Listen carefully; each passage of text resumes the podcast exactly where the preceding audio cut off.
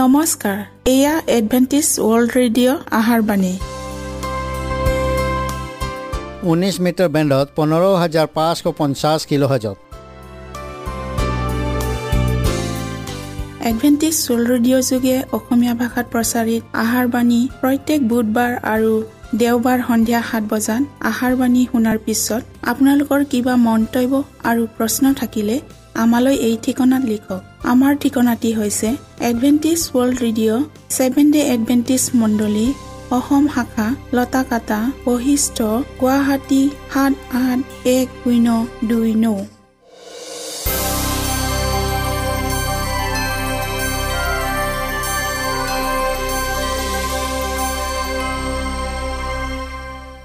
প্ৰিয় শ্ৰোতা বন্ধুসকল এতিয়া শুনো আহক এটি খ্ৰীষ্টীয় ধৰ্মীয় গীত।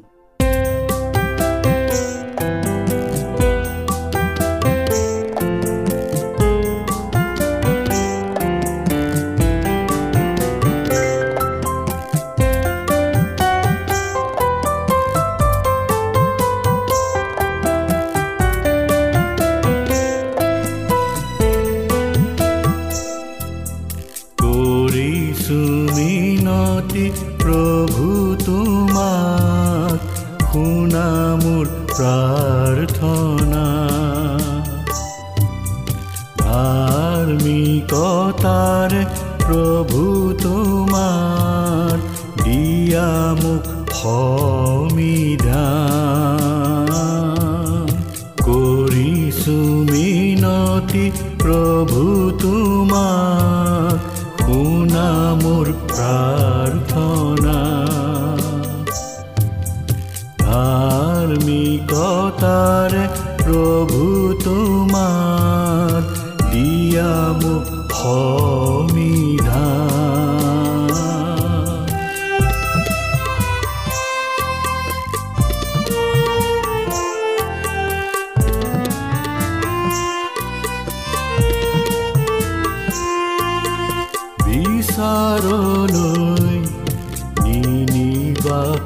প্ৰভু মোক ধাৰ্মিক নহয় যে মই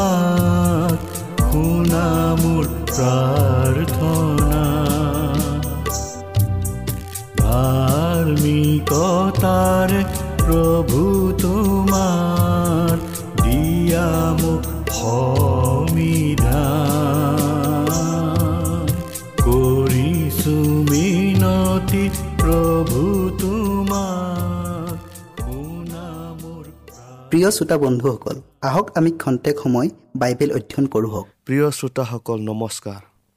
আজি আমি উত্তম মুকুতা এই দৃষ্টান্তৰ অধ্যয়ন কৰোঁ হওক। শাস্ত্ৰপদ মাৰ্ক তেৰ অধ্যায়ৰ পঞ্চল্লিছ আৰু ছয়চল্লিছ পদ। ঈশ্বৰৰ বাক্য শুনাৰ আগতে আমি প্ৰাৰ্থনা কৰোঁ হওক। সেই সৰ্বশক্তিমান কৰোমাময় ঈশ্বৰ জিহুৱা আজি আমি বিশেষ বিষয় উত্তম মুকুতাৰ বিষয়টোলৈ অধ্যয়ন কৰিবলৈ আগবঢ়াইছোঁ। প্ৰভু তুমি আমাৰ লগত থাকা আৰু তোমাৰ পবিত্ৰ আত্মাৰ যোগেদি এই উত্তম মুকুতাৰ দৃষ্টান্তৰ বিষয়টো জানিবলৈ আমাক সহায় কৰা। যীশুৰ নামত আমেন। প্ৰেমৰ প্ৰায়চিত্ৰৰ সুকৰ উপায় আমাৰ ত্ৰাণকৰ্তাজনাই মূল্যৱান মুকুতাৰ সৈতে তুলনা কৰিছে। উত্তম মুকুতা বিচৰা সদাগৰজনৰ দৃষ্টান্তেৰে কৃষ্টই তেওঁৰ শিক্ষা ব্যাখ্যা কৰিছে। এইদৰে আকৌ স্বৰ্গৰাজ্য উত্তম মুকুতা বিচাৰোঁতে এজন সদাগৰৰ নিচিনা। তেওঁ এটা বহুমূলীয়া মুকুতা দেখা পায় গৈ তেওঁৰ সৰ্বস্ব বেচি তাক কিনিলে। সেই মহামূল্যৱান মুকুতা স্বয়ং খ্ৰীষ্ট নিজেই তেওঁতে পিতৃৰ সকলো মহিমা আৰু ঈশ্বৰত্ব সম্পূৰ্ণতা প্ৰকাশ পাইছে। তেওঁৱে পিতৃৰ মহিমাৰ উজ্জ্বলতা আৰু স্পৰ্শ প্ৰকাশিত ব্যক্তি হোৱাৰ কাৰণে ঈশ্বৰত আৰোপ কৰা গৌৰৱ। মহিমা কৃষ্টৰ গুণাৱলীত স্পষ্ট প্ৰকাশ পাইছে। পবিত্ৰ শাস্ত্ৰখনৰ প্ৰত্যেকটো পৃষ্ঠা তেওঁৰ দীপ্তিয়ে উজ্বলাই ৰাখে। কোনো দাগ নথকা কোনো কোট নথকা বিশুদ্ধ বগা মুকুতাৰ দৰে তেওঁৰ ধাৰ্মিকতা ঈশ্বৰৰ এই মহান আৰু মূল্যৱান উপহাৰ মানুহৰ কোনো প্ৰচেষ্টাৰে উন্নত কৰিব নোৱাৰে। ই অতি নিভাজ আৰু সেই কৃষ্টতে জ্ঞান আৰু বিদ্যাৰ সকলো ধন গুপ্ত আছে।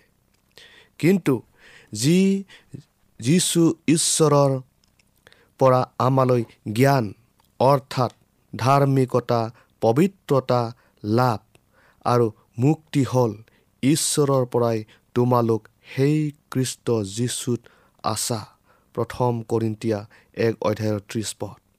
এতেকে কৃষ্টত পোৱা মানুহৰ সকলো আশা আকাংক্ষা এইখন পৃথিৱীতে হওক বা নৱনিৰ্মিত পৃথিৱীখনতে হওক সিদ্ধ হ'ব।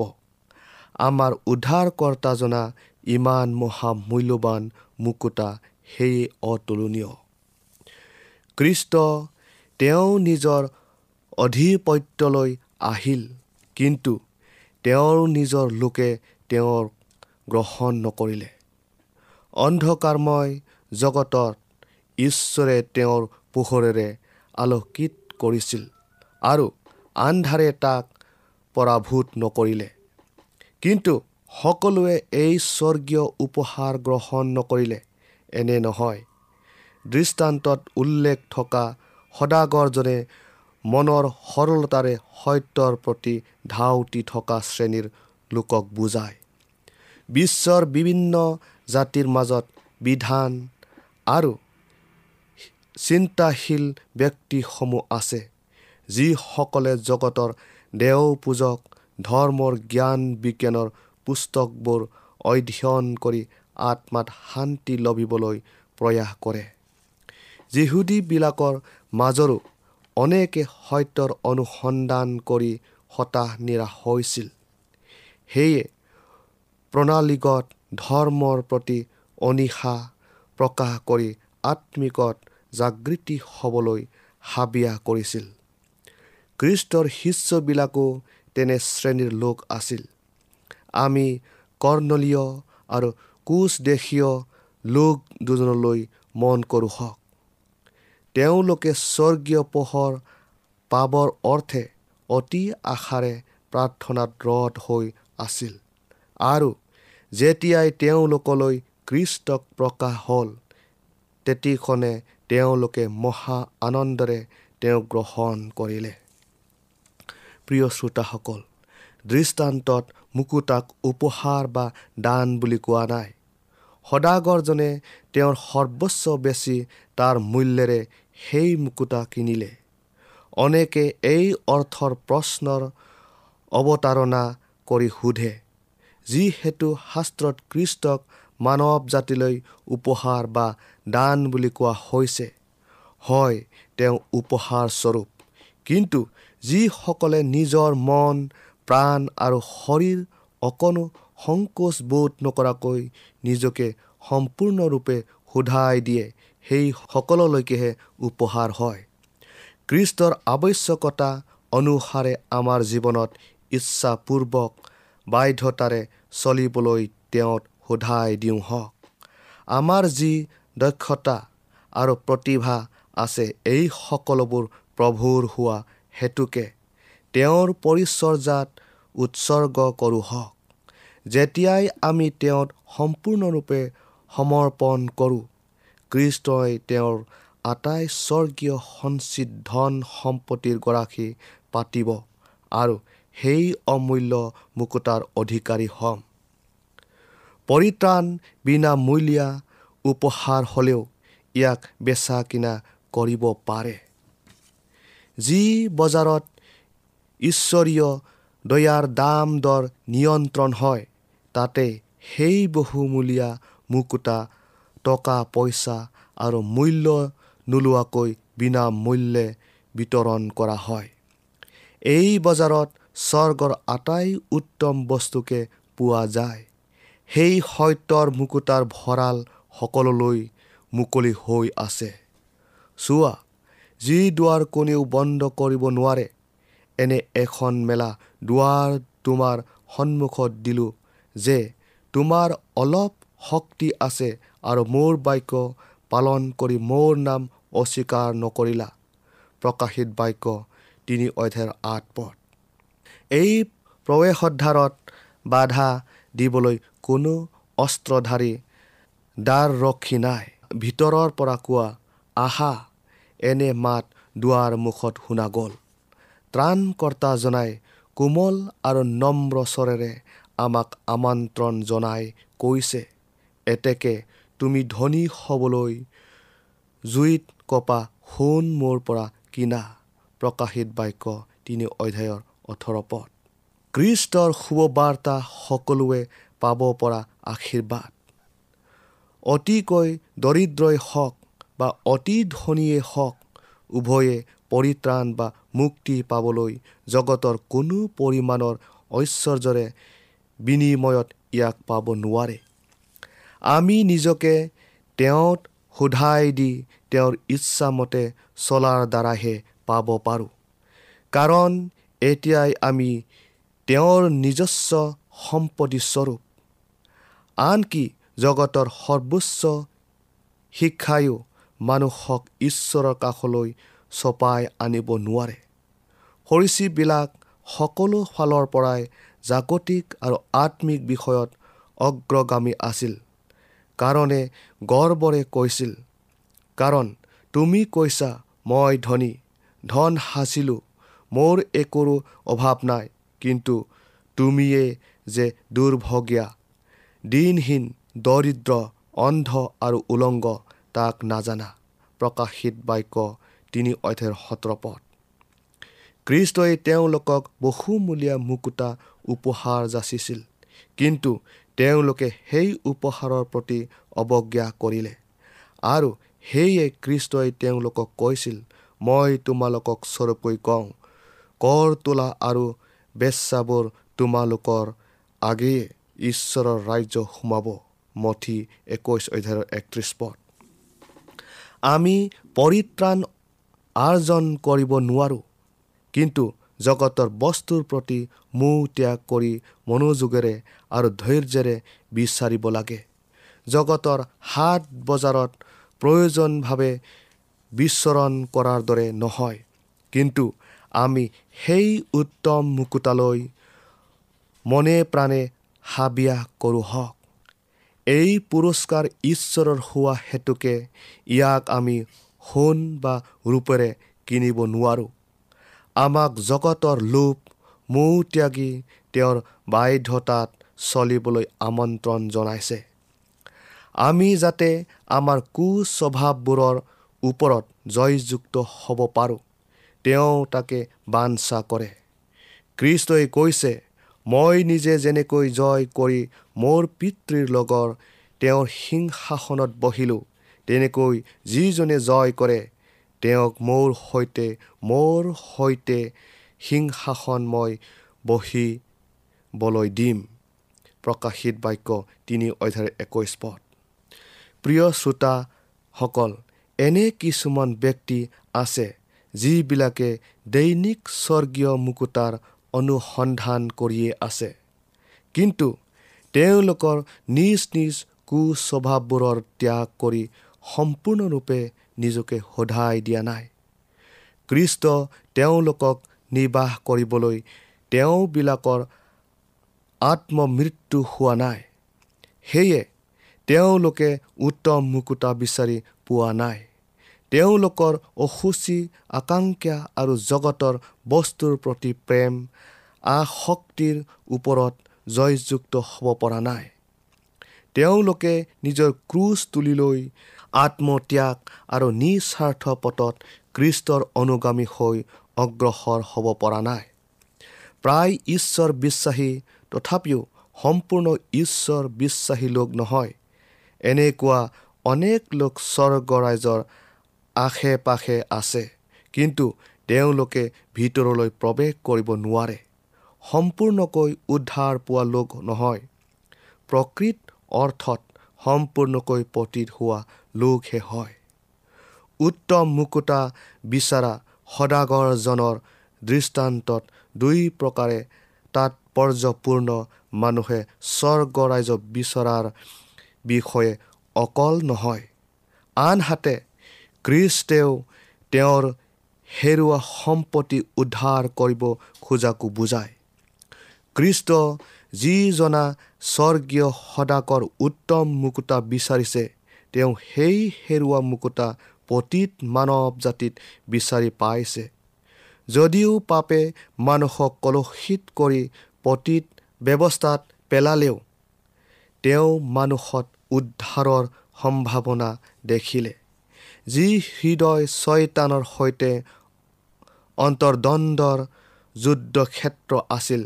তাক প্ৰেমৰ শক্তিৰে উদ্ধাৰ কৰা হ'ল আৰু উদ্ধাৰিত ব্যক্তিবিলাক কেতিয়াও পতীত নোহোৱা ব্যক্তিবিলাকতকৈও তেওঁৰ কাৰণে অতি মূল্যৱান ঈশ্বৰে মানৱ জাতিক নিজ বা অধম আৰু অকৰ্মণ্য বুলি গণ্য কৰা নাই। বৰং কৃষ্টৰ যোগেদি প্ৰেমেৰে উদ্ধাৰৰ পথ তেওঁৰ দৃষ্টিগোচৰ হ'ল। তেওঁ বিশ্ব জগতৰ সকলো ঐশ্বৰ্য সংগ্ৰহ কৰি সেই উত্তম মুকুতা ক্ৰয় কৰিবলৈ পণ হিচাপে তলে। আৰু যীশুৱে তাকে পাই নিজৰ ৰাজমুকুট সুশোভিত কৰি ল'লে। কিয়নো তেওঁলোক তেওঁৰ দেশৰ ওপৰত জকমকোৱা এটি কিৰিটিৰ মণি মুকুতা স্বৰূপ হ'ব।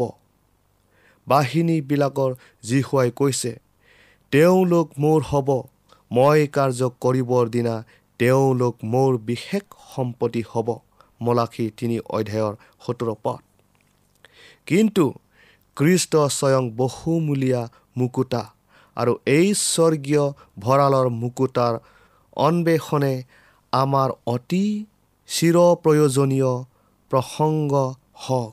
পবিত্ৰ আত্মাই মানুহলৈ উত্তম মুকুতাৰ মূল্য নিৰূপণ কৰি দেখুৱায়। পবিত্ৰ আত্মাৰ শক্তি এই সময়ত প্ৰকাশ পায়।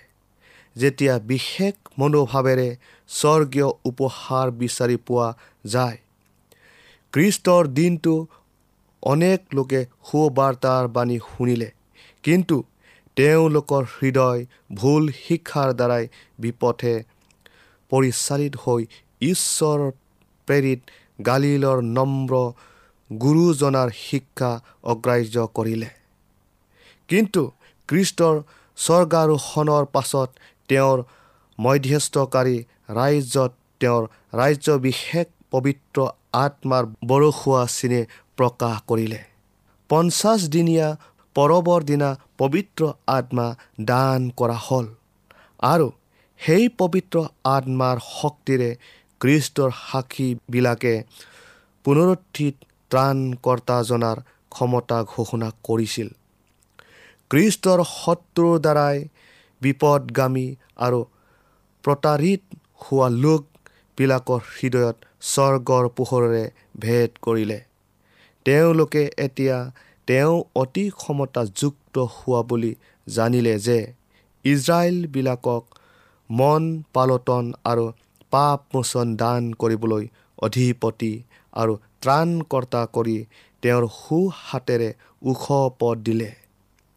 তেওঁলোকে তেওঁক স্বৰ্গৰ প্ৰতাপেৰে আগুৰি থোৱা দেখিলে যিবিলাকে নিজৰ নিজৰ পাপ অপৰাধবোৰ সম্পূৰ্ণ ত্যাগ কৰি তেওঁলৈ ঘূৰি অহাবিলাকক দান কৰিবলৈ তেওঁৰ হাতত অক্ষয় ঐশ্বৰ্যৰ ভঁৰাল থকাও দেখিলে। পাচনিবিলাকে পিতৃত একমাত্ৰ অদ্বিতীয় জনাৰ প্ৰতাপ প্ৰতিফলিত কৰাত তিনি হেজাৰ লোকে নিজকে দোষী সাব্যস্ত কৰিছিল।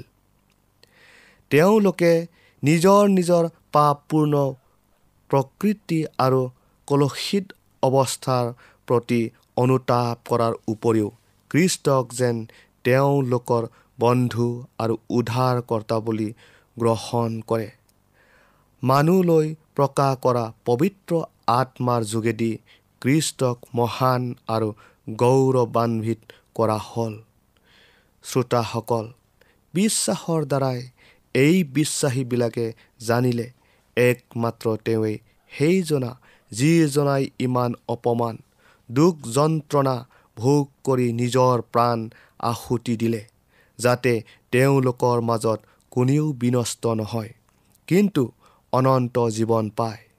পবিত্ৰ আত্মাৰ দ্বাৰাই প্ৰকাশিত কৃষ্টৰ ক্ষমতা আৰু মহত্বক বাস্তৱ জ্ঞানেৰে উপলব্ধি কৰি তেওঁলোকৰ দুই হাত তুলি দৃঢ়তাৰে তেওঁক কওক মই বিশ্বাস কৰোঁ।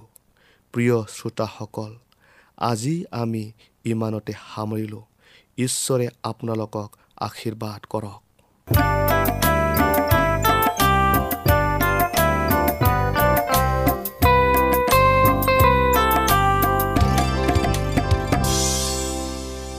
ইমানপৰে আমি বাইবেল অধ্যয়ন কৰিলোঁ এতিয়া আকৌ শুনো আহক এটি খ্ৰীষ্টীয় ধৰ্মীয় গীত।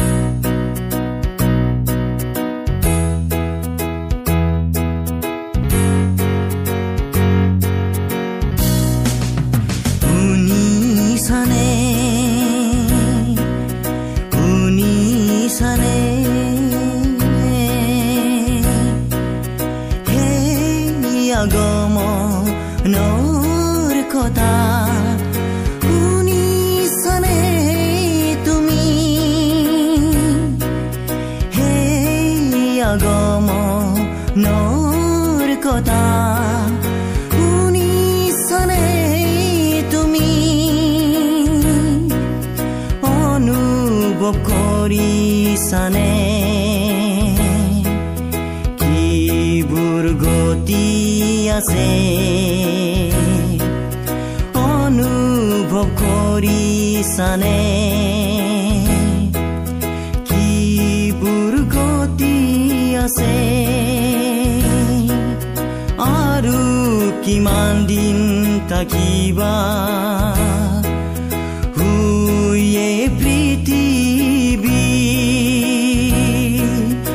আৰু কিমান দিন থাকিবা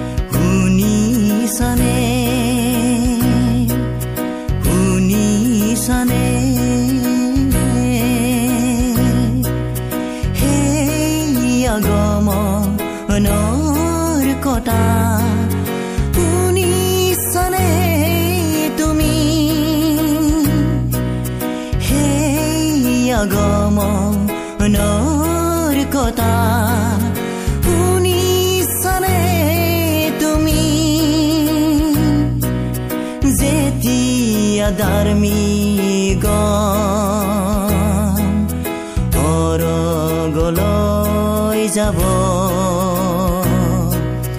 যেতিয়া ধাৰ্মিক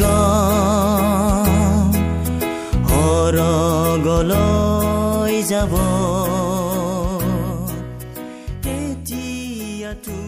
মনত ৰাখিব আমাৰ ঠিকনাটি পুনৰ কৈ দিছোঁ। Adventist World Radio' Assam region of Seven Day Adventist Voice of Hope Latakata Basistha Guwahati seven eight one zero' two nine প্ৰিয় শ্ৰোতা বন্ধুসকল এডভেণ্টিজ ৱৰ্ল্ড ৰেডিঅ' যোগে আহাৰবাণী প্ৰচাৰত আপোনালোকক পুনৰ লগ পোৱাৰ আহাৰে আজিলৈ সামৰিলোঁ। ধন্যবাদ।